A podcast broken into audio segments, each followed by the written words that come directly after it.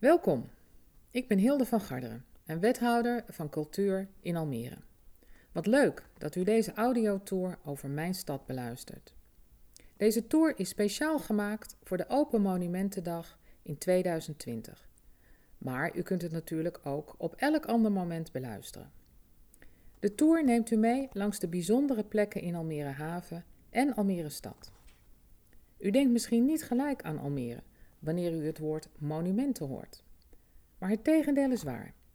Almere heeft sinds 2019 één officieel gemeentelijk monument: het voormalige politiebureau in Almere Haven. Dit is het eerste gerealiseerde ontwerp van Office for Metropolitan Architecture, oftewel OMA, van Rem Koolhaas. Daarnaast staat deze stad vol met iconische gebouwen, verbonden aan mooie verhalen over vroeger en over het Almere van nu. De gebouwen zijn iconisch, omdat ze ons veel vertellen over de ziel van onze stad. Vooral jonge, veelbelovende architecten kregen na de inpoldering de kans hun eerste gebouw in Almere te realiseren. En vandaag de dag krijgen jonge talenten die kans nog steeds. Almere is een stad waar ruimte is voor vernieuwing. Een stad die groeit en bloeit. Cultuur is belangrijk voor Almere, want cultuur verbindt en verbreedt ons perspectief. In Almere maken we cultuur samen. Cultuur is van en voor iedereen. Voor de kunstenaar, voor de bewonderaar, voor de vrijwilliger, voor de toerist en voor u. Overigens, mijn favoriete gebouw is inderdaad het eerste politiebureau in Almere Haven. Het is het gebouw ontworpen door Rem Koolhaas en ik vind het altijd mooi om te vertellen dat wij een echte Rem Koolhaas in de stad hebben. En overigens vond Rem Koolhaas dit gerealiseerde werk helemaal niet zo goed. Hij baalde er zelfs van, want hij vond het niet gelukt. Ik vind het een mooi verhaal, want het geeft aan dat ook talent moet je ontwikkelen en moet groeien. Want Rem Koolhaas is inmiddels een gevestigde naam in de architectuurwereld. In deze tour ontdekt u verder het erfgoed van vroeger, maar ook het erfgoed van morgen. Kunt zich verwonderen en verbazen over de veelzijdigheid van Almere. Ik wens u heel veel plezier. In de jongste IJsselmeerpolder, zuidelijk Flevoland, zijn de eerste opspuitingswerkzaamheden voltooid voor een stad waarin omstreeks het jaar 2000 een paar honderdduizend mensen zullen wonen. Die stad in het zuidwestelijk deel van de polder zal Almere heten, naar een vroegere benaming van de Zuiderzee.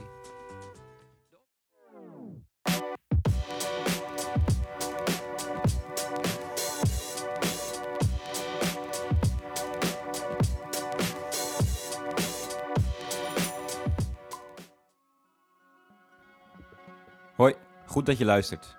Rens Blijberg en ik, Vincent Brink, kregen de vraag van de gemeente Almere om in het kader van de Open Monumentendag een podcast te maken. We zijn al heel lang vrienden en inmiddels allebei historicus. Sinds drie jaar maken wij een podcast, His and Her Story. Drie jaar geleden woonden we nog samen in hetzelfde studentenhuis en waren we allebei enorm fan van podcasts. Echter ontbrak het aan geschiedenispodcast. Dus maakten we er zelf maar één. Inmiddels hebben we al meer dan 30 afleveringen gemaakt in deze aflevering staat geen personage centraal, zoals normaal gesproken, maar een stadsdeel. En in deze aflevering hoor je niet alleen ons, maar juist anderen. Samen met de hulp van het Erfgoedhuis Almere, de gemeente Almere, stadsgids Mario C. Reuzelaars, stedenbouwkundige Jan-Frans de Hartog en wethouder van cultuur in Almere Hilde van Garderen vertellen wij over de geschiedenis van Almere Haven en nemen jullie mee door de stad.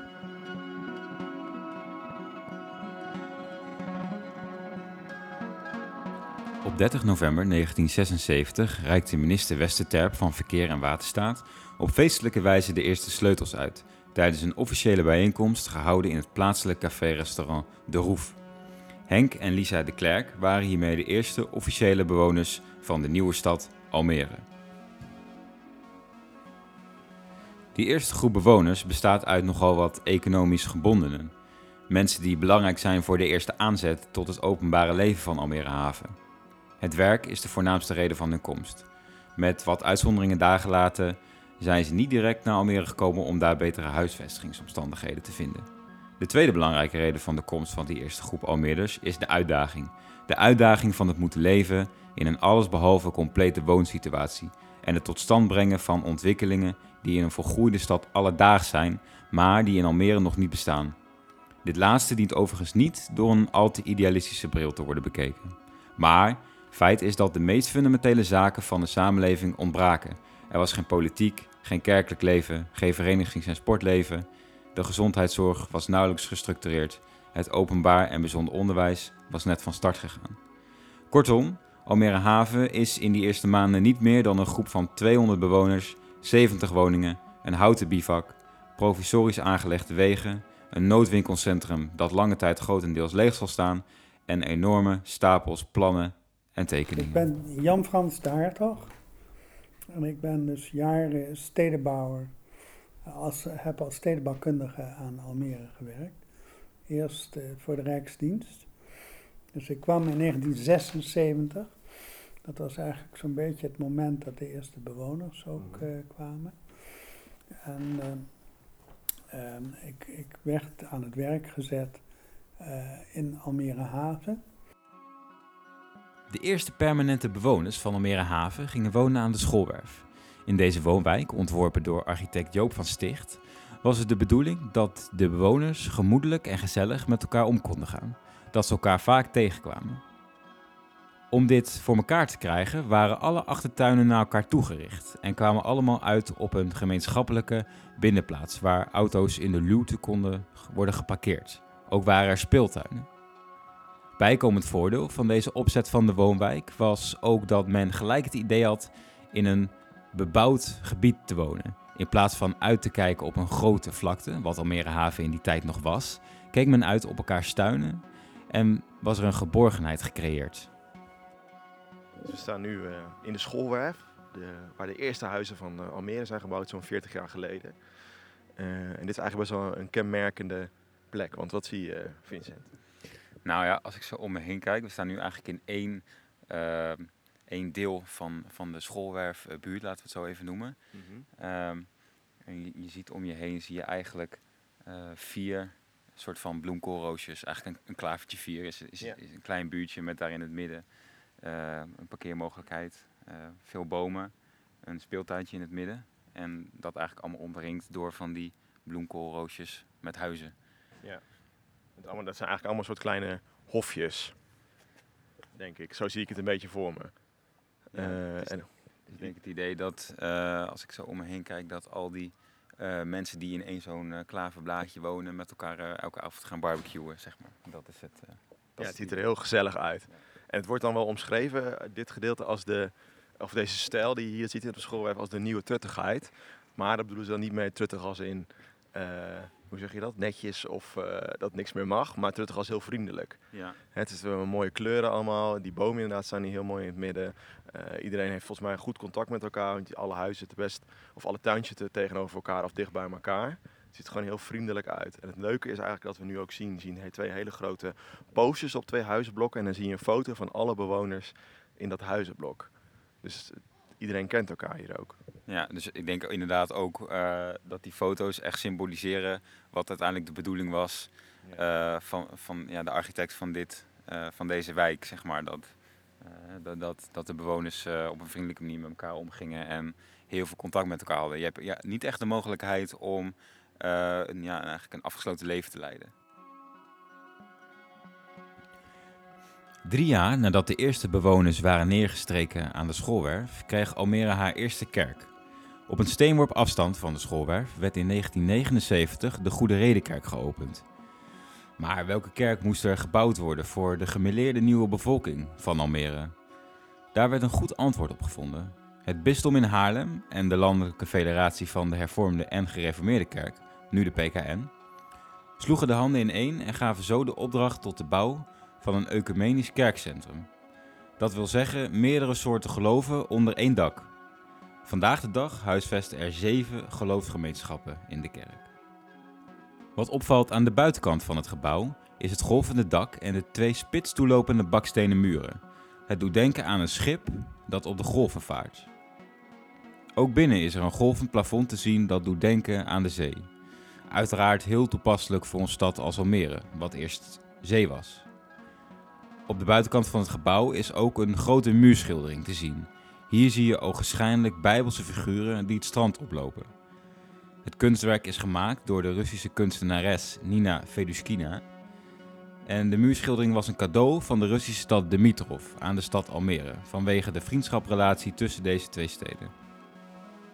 De muurschildering van de Russische kunstenares beeldt een scène uit die te lezen is in Handelingen 27, vers 8. Hierin staat geschreven: En nadat wij nauwelijks voorbijgezeld waren, kwamen wij in een plaats die Schone Havens genoemd wordt. We zijn nu aangekomen bij eh, kerkcentrum eh, De Goede Reden. En wat eh, valt jou op, eh, Vincent? Nou ja, wat ik, eh, wat ik zie is. eh, het lijkt niet op een, eh, op een typische kerk eh, zoals je dat misschien gelijk voor zou stellen. Maar wel op een eh, typische kerk voor in de tijd waarin het is eh, gebouwd. Ja. Het is gebouwd in, eh negen, of in 79 is het, eh, is het geopend. Uh-huh. Ehm, en juist gaat het daar ook meer om echt eh, eh, de kerkdiensten goed te kunnen uitvoeren, te huisvesten. Het gaat iets minder om, eh, zoals dat vroeger ging, om eh, uiterlijk, eh, uiterlijk vertoon. Vertoon, Ja. Want het, is, Eh, het is echt een kerkcentrum, dus dat betekent ook dat die verschillende eh, geloofsgemeenschappen in eh, huisvesten. Het, eh, de kerk is uiteindelijk gebouwd in opdracht van de hervormde kerk of de gereformeerde kerk toen de tijd. Wat nu de PKN heet en eh, de Rooms-Katholieke parochie. Eh, maar op dit moment zit er ook bijvoorbeeld de ecumenische gemeenschap in deze kerk en de Antilliaanse kerk zit ook in deze kerk. En voor het gebouw eigenlijk staat, een, staat de, de, de toren met het carillon. Is gebouwd in, of opgeleverd in 1980, 35 meter hoog. En in het carillon zitten 50 kerkklokken. Er zitten vijf, ja, 50 klokken. eh, en is, een- ja, is gewoon enorm hoog. En eh, als je dan kijkt naar, naar de bouw van, het, eh, van, van de kerk, valt eigenlijk op dat het een beetje uitziet als, vooral het dak van de kerk, eigenlijk een beetje uitziet als de voorkant van een schip. En als je binnen in de kerk bent, dan, dan zit je eigenlijk in een ruim van het schip. Want door de houten plafonds lijkt het net alsof je in, in zo'n ruim van het schip zit. En eigenlijk die hele symboliek van het schip komt ook weer terug op de muurschildering aan de voorkant van, de, van de kerk. Zoals al eerder verteld, werden de eerste sleutels aan de eerste bewoners van Almere uitgereikt in het café-restaurant De Roef. De Roef was het allereerste permanente gebouw van Almere Haven. Onder de bezielende leiding van het echtpaar Dudok Smit deed De Roef dienst als een multifunctioneel gebouw waar de eerste groep pioniers die zich settelden in Almere Haven terecht konden voor het drinken van een biertje, om een hapje te eten en om toneel te kijken of te spelen. De Roef is opgebouwd uit vijf kubussen en is aan de buitenzijde bekleed met rabatdelen. Verder is er aan de zuidkant van het gebouw een woning opgetrokken uit baksteen. Waar het gebouw origineel een bruine kleur had, net als aan de overkant gelegen Corrosia, is het later crèmekleurig overgeschilderd. De kleur die het vandaag de dag nog steeds heeft. Het is wel grappig als je dan kijkt in het archief naar de eerste foto's van dit gebouw. En dan zie je dit gebouw staan in 1976 en daaromheen staat nog helemaal niks. Eigenlijk rechtop. Je ziet wel dat er gebouwd wordt. En in de verte, het is ongeveer één, minuutje minuut lopen en dan ben je bij de eerste huizen. eh, zie, je dan, eh, zie je dit staan.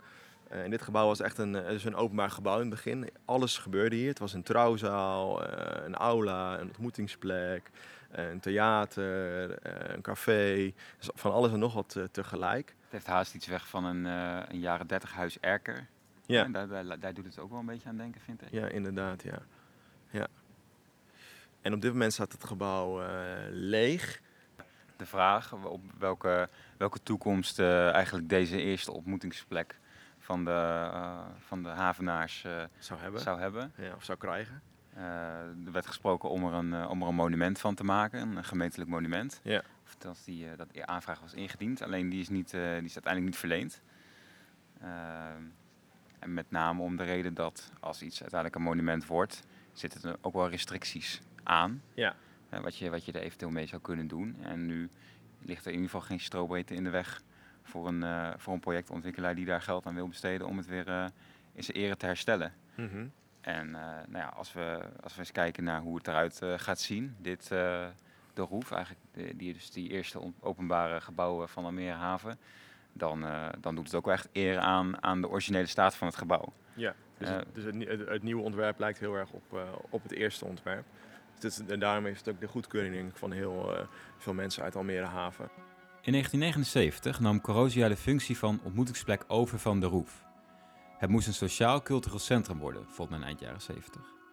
In het eerste programma van Eisen wordt gesproken over een gemeenschapszaal die geschikt moest zijn voor gesprek en een film op zijn tijd. Almere had nog helemaal geen theater nodig vonden de beleidsmakers. Maar cultureel ambtenaar James Purvis en Thijs Gerritsen, verbonden aan het projectbureau Almere, waren het daar niet mee eens. De bouw was al begonnen toen alsnog besloten werd van de gemeenschapszaal een theaterzaal te maken. En zo kreeg Almere op de valreep toch een theater. Corosia is een goed voorbeeld van structuralistische architectuur en daarmee een typisch product van de jaren 70. Structuralistische architectuur, ook wel Forum genoemd, zette zich af tegen de stroming van de nieuwe zakelijkheid, waarin bijvoorbeeld grote gebouwen en woonwijken veelal op dezelfde manier massaal werden gebouwd en daardoor een eentonig karakter kregen. In de forumstroming was de menselijke maat belangrijk. Bij de bouw van grote gebouwen zoals de Corosia was het belangrijk dit niet te massaal over te laten komen. Zo'n gebouw werd daarom opgebouwd uit allerlei kleinere componenten. Wanneer je het vooraanzicht van de Corosia bekijkt, is het ook duidelijk te zien. Het kleinschalige karakter werd ook behouden door de nadruk te leggen op gemeenschappelijke ruimtes om sociaal contact te bevorderen. Net als bij de Meerpal in Dronten en de Agora in Lelystad komen allerlei activiteiten onder één dak met de bedoeling om ontmoeting te stimuleren. Architecten Rob Blom van Assendelft en Jan Koning zeiden het volgende over het plan van de Corosia. De opzet van de plattegrond is open. Een regelmatige structuur van kolommen, vloeren en vides maakt een flexibele indeling mogelijk. Wij wilden graag zoveel mogelijk openbare functies in het gebouw. Een gebouw voor de stad. Kijk, we lopen nu even een, uh, rondje. rondje om de Corosia. Dit gebouw is dus eigenlijk in acht maanden tijd, het is in 1977 eh, gebouwd door de architect eh, Rob Blom van Assendelft. En hij heeft de hele gevel is van roestend eh, materiaal gemaakt, roestend kort en staal. En in, binnen acht maanden is het gebouw van blank naar bruin gekleurd, doordat het zo snel verroest is. En daardoor heeft het ook wel de bijnaam de roestbak. Ja, en, vooral, ja, en vooral aan de voorkant zie je dat, dat terugkomen als je er tegenaan loopt. Die hele gevel is echt helemaal van eigenlijk van een metertje of, wat zou het zijn, vijf tot aan de, de top helemaal verroest. En de rest is, zit er een hele grote glazen pui onder. Ja, en deze manier eigenlijk van, van verroesting of corrosie zorgt er eigenlijk voor dat juist dit gebouw waterdicht wordt of, of bestemd tegen nou ja, toch wel de erbarmelijke omstandigheden waarin het, waar het tegen gewassen moest, moest zijn. Hier zo aan de, aan de voormalige Zuiderzee, aan het Gooimeer. Veel wind altijd, veel water.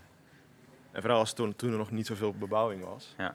uh, was het, was hier, uh, had het veel last van de, van de omstandigheden, van het weer. Uh, in het begin had dit gebouw ook heel veel functies.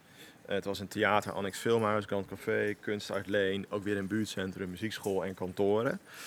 en na de verbouwing in 2015 door architect Rick Lagerwaard is het verbouwd eigenlijk tot een cultuurhuis met voornamelijk een theater, expositieruimte, een bibliotheek, een gebiedskantoor en een, uh, en een buurthuis. Wel grappig detail is eigenlijk dat in het begin van, van de Corosia het helemaal niet per se de bedoeling was dat er nou ja, heel veel kunst en cultuur hierin zou huisvesten. Ehm, af en toe een film zou eigenlijk wel afdoende zijn. En ging het meer om inderdaad om ook wel een beetje die functie van de roef uh, naar zich toe te trekken als ontmoetingsplek uh, voor, uh, voor verschillende lagen eigenlijk van, de, van de bevolking. Ja. Terwijl nu het juist uitge, uitgegroeid is tot, tot de plek van Almere Haven als het gaat om, om kunst en cultuur. Op de markt waar Corosia aan gevestigd is, vinden we het eerste kunstwerk van Almere. Het gaat hier om het sculptuur Het Gezin. De keramische beeldengroep verbeeldt het toen de tijd traditionele jonge gezin van vader, moeder en twee kinderen dat in de jaren 80 van de 20e eeuw de nieuwe stad Almere als woonplaats koos. Hoewel het om abstracte vormen gaat, is het niet moeilijk om er mensfiguren in te herkennen. Jan Snoek maakte het gezin zo groot dat de figuren voordat ze de oven ingingen versneden moesten worden. De vier figuren werden eerst op ware grootte geboetseerd om deze vervolgens in allerlei stukken te snijden. Elk stukje kreeg een eigen nummer om ze later weer op de goede plek terug te kunnen zetten. De vier gezinsleden zitten in een cirkel op betonnen bankjes en zijn met elkaar in gesprek. Jan Snoek gaf ieder gezinslid een andere kleur. De vader, die een hoogte heeft van 2,80 meter, is opgebouwd uit gele en witte banden. De moeder, 2,10 meter, opgebouwd uit witte en blauwe banden. Het grootste kind, 1,50 meter hoog, heeft een sterk uitstralende kleur gekregen, rood, omdat ook zij haar stem moest kunnen laten horen in de samenspraak. De kleinste, die met haar 90 centimeter qua formaat het minst heeft in te brengen, is uitgevoerd in de sterke tegenstelling, zwart-wit. Hier zie je duidelijk in terug hoe het in die begintijd in Almere Haven eraan toe ging. Samenspraak was een van de grootste waardes van de gemeenschap die nog opgebouwd moest worden. Het in beeld brengen van groepsgevoel, groepskenmerken, interacties en onderlinge relaties tussen mensen en hun omgeving is een geliefd onderwerp van kunstenaar Jan Snoek. Op het moment van opname van deze podcast vond er toevallig een tentoonstelling van Jan Snoek plaats vlakbij de markt in Almere Haven. Daar spraken we stadsgids en mede-organisator van de tentoonstelling Marie-José Reuselaars. Zij vertelde ons wat meer over Jan Snoek en over de rol van buitenkunst in Almere. Eh, we hebben net gekeken bij, eh, bij het kunstwerk van Jan Snoek op de, Op de markt. op de markt. Voor de voor. En eh, er is hier momenteel een, nou, eigenlijk een kleine tentoonstelling over, over Jan Snoek en zijn, en zijn oeuvre. Ja, en we hebben hier ook meteen een afspraak met, met Marie-José, de stadsgids. Dus laten we even naar, naar binnen gaan. zij, meer kan vertellen. Ja.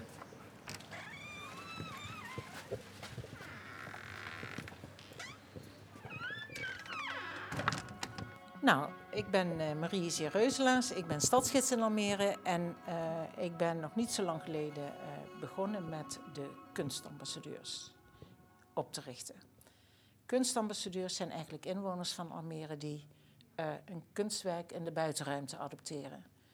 En dan blijkt als je daarmee begint dat er achter elkaar allemaal mensen bij je langskomen en zeggen: Oh, maar ik weet alles over die en ik weet alles over dat kunstwerk. En Jan Snoek is een, eh, iemand die vrolijke kunst maakt. Hij maakt allemaal vrolijke dingen. En iedereen kent hem eigenlijk ook wel, maar denkt: Oh, is dat Jan Snoek? Want hij heeft altijd wel eens een keer wat van hem gezien. Ehm, maar hij maakt van alles, van eh, ehm, grafiek tot beelden, tot kolossale beelden. Daar zie je foto's staan.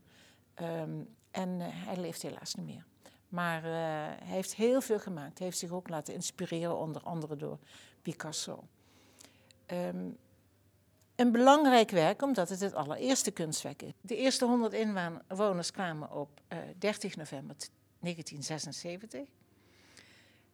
In 1979 had je al iets van 3000 inwoners. En toen heeft men gesproken over een kunstwerk. En toen waren er drie kunstenaars uitgenodigd. Maar de bewoners van Haven, die er toen woonden, die beslisten dat Jan Snoek het kunstwerk mocht maken. Dus eh, het is echt door de bewoners gekozen. Ehm, en eh, nou ja, dan ontstaan er allemaal eh, leuke dingen. En ik hoop dat, dat er ook steeds meer plek komt voor kunst in de openbare ruimte. Buitenkunst is belangrijk. En het geeft een stad een cachet, ook een beetje een smoel. Ja. En, en dat is gewoon altijd bijzonder. Als ik ergens in de stad loop, kijk ik altijd wat, wat is er voor kunst in de openbare ruimte. Ja. Mijn, mijn oog trekt daar altijd weer naartoe. Wie in Almere Haven om zich heen kijkt, heeft wellicht het idee dat hij of zij de oversteek naar de polder nog niet heeft gemaakt. In tegenstelling tot Almere stad was het de bedoeling dat Haven de uitstraling moest krijgen van een oud Zuiderzeestadje. Er werd dus niet gekozen voor een bouwstijl zoals dat in Lelystad werd gedaan, de nieuwe zakelijkheid genoemd. Maar er werd gekeken naar vroegere tijden, bijvoorbeeld naar Delft of zelfs naar Venetië. Het was de nieuwe generatie die zich afzette tegen de vorige. De tijdsgeest van begin jaren 70 liet de bouw van Almere Haven ook niet ongemoeid. Bijvoorbeeld de invloed van de Club van Rome, die eind jaren 60 was opgericht. Deze club van wetenschappers, maar ook met leden zoals toenmalig prinses Beatrix, kwam in 1972 met een baanbrekend rapport dat een verband legde tussen de steeds maar verder groeiende economie en de gevolgen hiervan op het milieu. Met de oliecrisis een jaar later, met als gevolg de autoloze zondagen, werd er een tijdsgeest geschapen die acuut naar de milieuproblematiek keek. In Almere Haven zie je deze tijdsgeest terug in de busbanen, die vrij spel hebben op hun eigen wegennetwerk. De vele ruimte voor zowel de inwoners als het openbaar vervoer van Almere Haven kwamen dus voort uit de tijdsgeest die toen heerste. Net als het Zuiderzeestad-imago dat haven moest krijgen.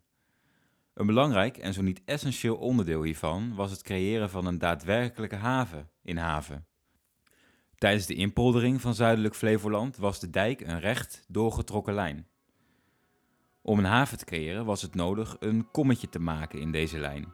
Je kunt je voorstellen dat dit geen goedkope onderneming was en dus de goedkeuring van de Rijksdienst in Den Haag nodig had.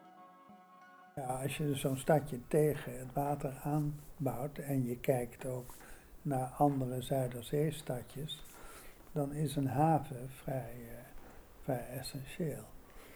Dus een van de trucs was, de eerste truc die ze deden was dat ze het Almere haven noemden.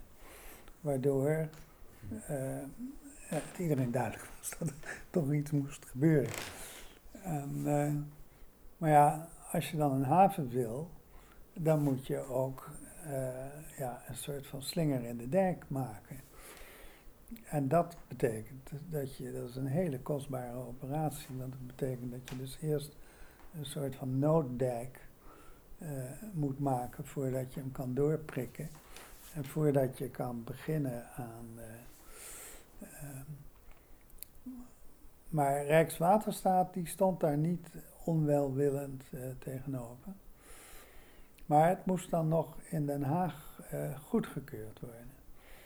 En we hadden dus een adjunct-directeur van, van de Rijksdienst, die moest dan altijd met zijn plannen onder de arm, moest hij naar Den Haag toe. En daar moesten ze het goedkeuren en dan kwam er geld uh, beschikbaar. En die directeur die, uh, die was een beetje zenuwachtig met dit plan, want dat is een waanzinnig kostbare uh, operatie. Dus die heeft toen dat is de anekdote, ik weet niet of het helemaal waar is. Die heeft toen dat plan uitgevouwen en zijn elleboog op de haven uh, gezet, zodat iedereen het hele plan kon zien, maar dat de elleboog verborgen was onder zijn haven. Onder zijn, uh, de haven verborgen was onder zijn elleboog. En dat plan is in die, die fase go staat goedgekeurd. En pas aan het eindplan uh, ligt hij zijn elleboog op. Waardoor bleek dat er dus een hele haven aangetekend was. Door wat ellebogenwerk kreeg Almere Haven dus zijn essentiële havenkom, die het hele plaatje compleet maakte. Niet ver van de havenkom vind je het eerste kantorenpand van Almere, genaamd De Hulk. Over de naamgeving van het gebouw gaan verschillende verhalen de ronde. In een artikel in Almere deze week uit 2012 gaf architect van de Hulk Pieter van der Post hier uitsluitsel over. Het gebouw is vernoemd naar een schilderij van William Turner, de laatste reis van het oorlogsschip Temeraire. Dit schip werd ook wel The Old Hulk genoemd. Toen ik in 1977 tijdens de bouw van het gebouw in Almere kwam aanrijden voor het bijwonen van een bouwvergadering was het erg mistig. In de flits zag ik in de vorm van het gebouw het schilderij terug. In de vergadering kwam toevallig ook het bedenken van de naam voor het gebouw aan de orde. Ik heb toen de naam De Hulk voorgesteld. Aldus Pieter van der Post. Waar het gebouw eerst dienst deed als kantoor voor de Rijp, de Rijksdienst voor IJsselmeerpolders, is het in 2012 grootschalig gerenoveerd. Het gebouw is door architect Rick Lagewaard getransformeerd van een kantorenpand naar 27 appartementen, een activiteitscentrum, winkelruimte en een atelier op het dak. Opvallend zijn de dakpannen die na de renovatie van het dak tot aan de eerste verdieping verticaal naar beneden lopen. Hiermee verwijst Lagewaard naar de Amsterdamse schoolstijl van begin vorige eeuw, waarin de dakpan als gevelbekleding geen uitzondering is. Op deze manier zien de vele Amsterdammers die in Almere wonen, er wonen procentueel meer geboren Amsterdammers in Almere dan in Amsterdam zelf, een stukje architectuur terug uit hun vroegere woonplaats. Gescheiden door een busbaan ligt aan de overzijde van de Hulk het voormalig politiebureau van Almere Haven. Sinds 2019 het eerste gemeentelijke monument van Almere.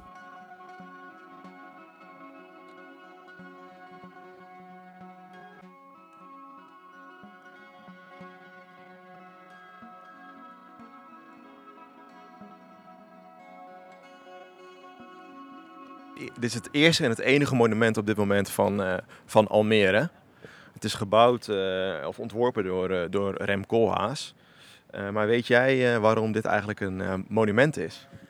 Nou ja, als je, hier, als je hierop afloopt, dan kunnen, kan ik me voorstellen dat, je, dat, je, dat die vraag bij je opkomt. Van, hè, waarom, waarom is dit nou van alle gebouwen in Almere het, enige gemeentelijke monument? Nou ja, het is van Rem Koolhaas, dus de, uiteindelijk ook de ontwerper van, van Almere Centrum. In ieder geval ja, van, van, de, van het nieuwe deel. Ja, van een van de ontwerpers van het. Ja. Um, maar wat dit, eigenlijk dit politiebureau zo speciaal maakt, uh, is dat het echt ontworpen is. Um, ja, eigenlijk aan de hand van de functies die het moest, uh, moest bekleden en de manier waarop de politie, de organisatie was ingedeeld.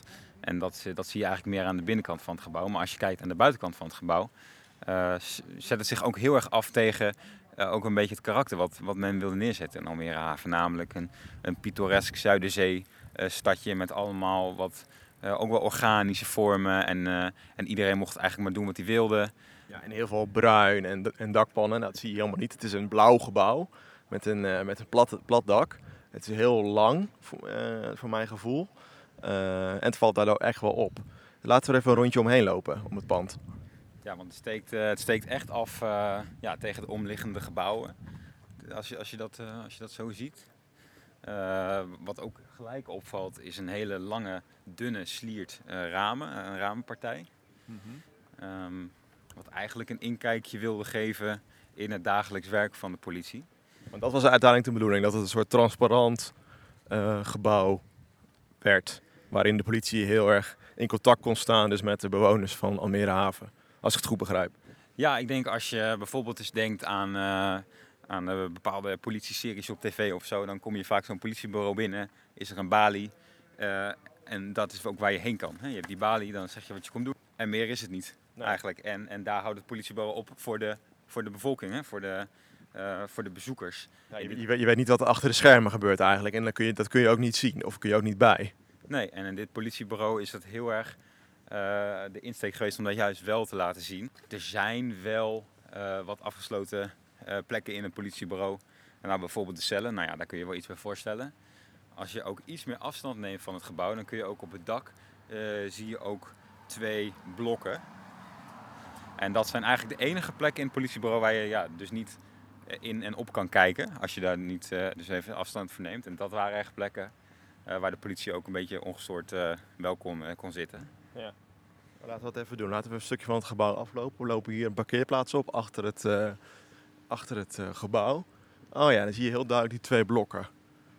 Gewoon twee grote blokken midden op het, op het pand met ook weer zo'n met een raampartij, maar dan niet zo lang hoe dat, uitgerekt als, als laat zeggen, op de begane grond, laat ik het maar zo zeggen, maar meer ramen zoals je die, die kent. En dat waren dus de twee gedeeltes waar, niemand, waar, waar de burgers niet mochten komen.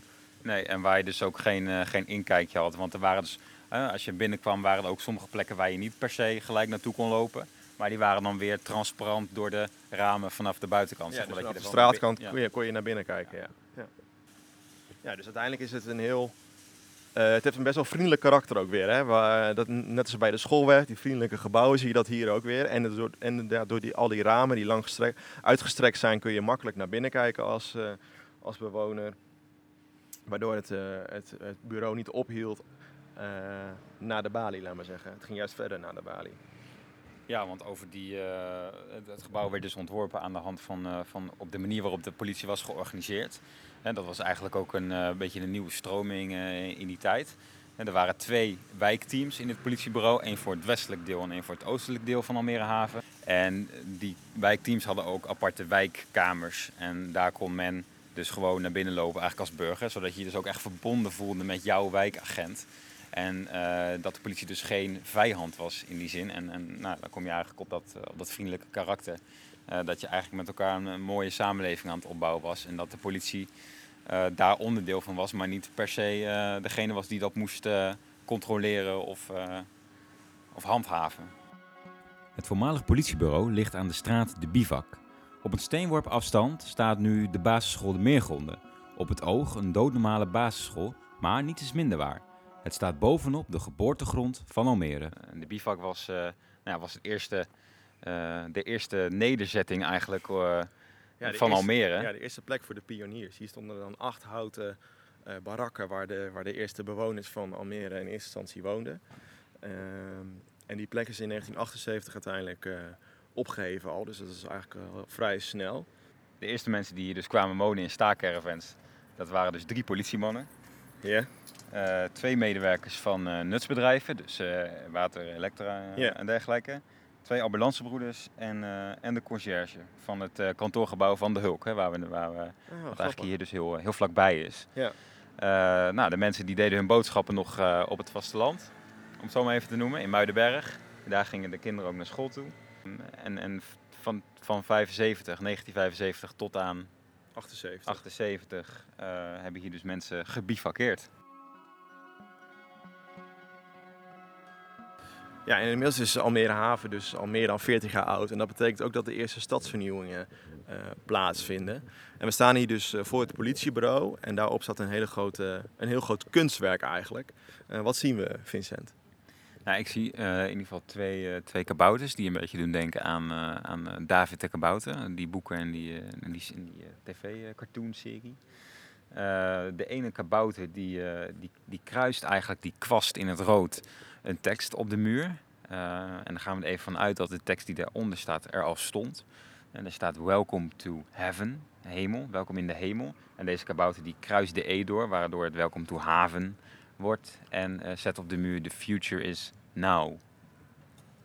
Ja, het is een, uh, een, kunstwerk van het street art collectief Kamp Zeedorf. En dat is eigenlijk best wel een anoniem collectief. Niemand weet hoeveel mensen of hoeveel kunstenaars zich daarin in bevinden. Maar het komt in ieder geval uit Almere. En het is vooral bekend geworden door hun afbeeldingen van voetballers in en rondom Amsterdam. En steeds verder daar, daarbuiten. Het bestaat al sinds 2010. En eigenlijk is dit kunstwerk heel erg illustratief voor die stadsvernieuwing waar we het net over hadden. Want het is onderdeel, die stadsvernieuwing heet Havenverbond 2.0. en dus op dit e-, eerste monument van Haven staat dit uh, deze nieuwe street art. En daarmee komt oud en nieuw samen. En dat is eigenlijk ook de kern van uh, uh, dat Havenverbond 2.0. Dat alle initiatieven uit, uit Almere Haven worden gebundeld. en zo wordt gewerkt aan, aan die nieuwe stad of aan een nieuwe Almere Haven. En ook weer, hè, wat heel kenmerkend is voor Almere, waarin iedereen zijn zegje mag doen en iedereen zijn stem kan hebben, ook komt ook weer terug in, dit, in, dit, in deze stadsvernieuwing. Want iedereen mag meebeslissen over de toekomst van, van Almere Haven. Alle bewoners mogen hun zegje doen. Bij het eerste monument van Almere komen twee werelden samen. Vlakbij het politiebureau stond de bivak, de eerste tijdelijke bewoonde grond van Almere. En op het politiebureau prijkt nu een muurschildering van het kunstenaarscollectief Kamp Zeedorf. Deze muurschildering maakte dit kunstenaarscollectief in opdracht van de beweging Havenhart 2.0. Het idee was dat deze muurschildering tot en met de zomer van 2020 op het gebouw tentoongesteld zou staan, als symbool van de stadsvernieuwing waar Havenhart 2.0 zich mee bezighoudt. Want na 40 jaar is het tijd voor de volgende stap in de ontwikkeling van Almere Haven. Wederom met inspraak van haar inwoners, om zo verder te bouwen aan de stad en de samenleving. Je luistert naar een audiotour over Almere Haven in het kader van de Open Monumentendag wil je meer weten? Kijk dan in onze show notes voor achtergrond en broninformatie. Beluister ook onze aflevering die ingaat op de monumenten en geschiedenis van Almere Stad. Onze dank is groot aan wethouder van cultuur in Almere Hilde van Garderen, stadsgids Mario-José Reuzelaars, stedenbouwkundige Jan-Frans de Hartog, de gemeente Almere, Erfgoedhuis Almere en aan die eerste pioniers die het aandurfden huis en haar te verlaten om Almere te maken tot wat het vandaag de dag geworden is. Dit was een podcast van His and Her Story Podcasts. Vond je dit nu een leuke podcast? Vergeet ons dan niet te liken, volg ons op social media en luister ook eens naar een van onze andere podcasts, waarin wij aan de hand van de actualiteit een onderwerp uitdiepen uit de geschiedenis.